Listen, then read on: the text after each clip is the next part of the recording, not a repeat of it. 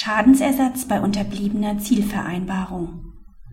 An dem für einen Schadensersatzanspruch wegen unterlassener Zielvereinbarung erforderlichen Verschulden des Arbeitgebers kann es fehlen, wenn dieser dem Arbeitnehmer Ziele vorgeschlagen hat, die bei einer vernünftigen Zukunftsprognose hätten erreicht werden können.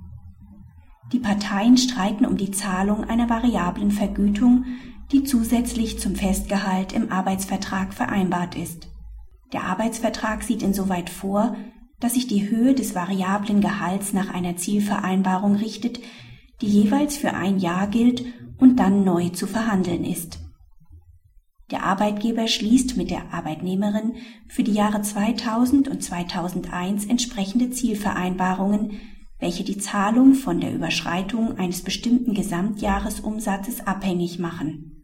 In der Zeit vom 1. Januar 2004 bis zur Beendigung des Arbeitsverhältnisses am 31. Oktober 2006 treffen die Parteien keine Zielvereinbarungen mehr. Die Arbeitnehmerin ist der Auffassung, dass ihr für diesen Zeitraum dennoch eine variable Vergütung in voller Höhe zusteht. Im Gegensatz zur Vorinstanz hält das BAG einen entsprechenden Zahlungsanspruch dem Grunde nach für möglich da der Arbeitgeber nach den arbeitsvertraglichen Vereinbarungen zur Festlegung von Zielen verpflichtet war und diese Festlegung mit Ablauf der Zielperiode unmöglich geworden ist, kann der Arbeitgeber gemäß 280 Absatz 1 Absatz 3 in Verbindung mit den Paragraphen 283 Satz 1 und 252 BGB verpflichtet sein, nach Ablauf der Zielperiode wegen entgangenen Verdienstes Schadensersatz zu leisten. Maßgeblich hierfür sind die konkreten Gründe für das Nichtzustandekommen der Zielvereinbarung.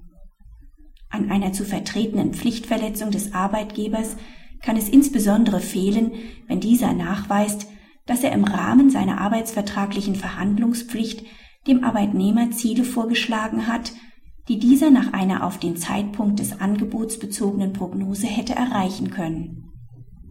Der Zweck von Zielbonussystemen ist insbesondere eine Förderung der Motivation des Arbeitnehmers. Diese Anreizfunktion kann eine variable Vergütung nur erfüllen, wenn es dem Arbeitnehmer möglich ist, die von ihm zu verfolgenden Ziele auch tatsächlich zu erreichen. Es reicht daher nicht aus, wenn der Arbeitgeber in seinen Verhandlungen mit dem Arbeitnehmer über die Zielvereinbarung beliebige Ziele einstellt.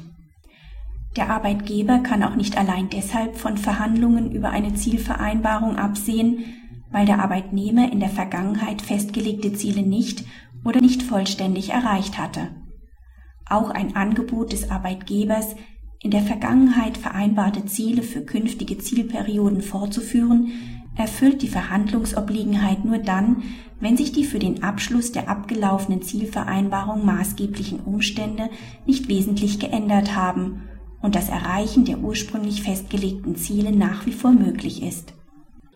Praxishinweis Mit der Entscheidung knüpft das BAG an sein früheres Grundsatzurteil zur Haftung des Arbeitgebers bei unterbliebener Zielvereinbarung an. Neu ist, dass die Verantwortlichkeiten im Rahmen des Prozesses zur gemeinsamen Festlegung von Zielen neu verteilt und ein Stück weit in Richtung Arbeitnehmer verschoben werden. Schlägt der Arbeitgeber rationale Ziele vor, kann sich der Arbeitnehmer nicht dadurch aus der Affäre ziehen, dass er seine Zustimmung zu den Zielvorgaben verweigert. Mit einem Nein handelt der Arbeitnehmer somit auf eigenes Risiko, auch wenn die Beweislast für die Erreichbarkeit der Ziele grundsätzlich der Arbeitgeber trägt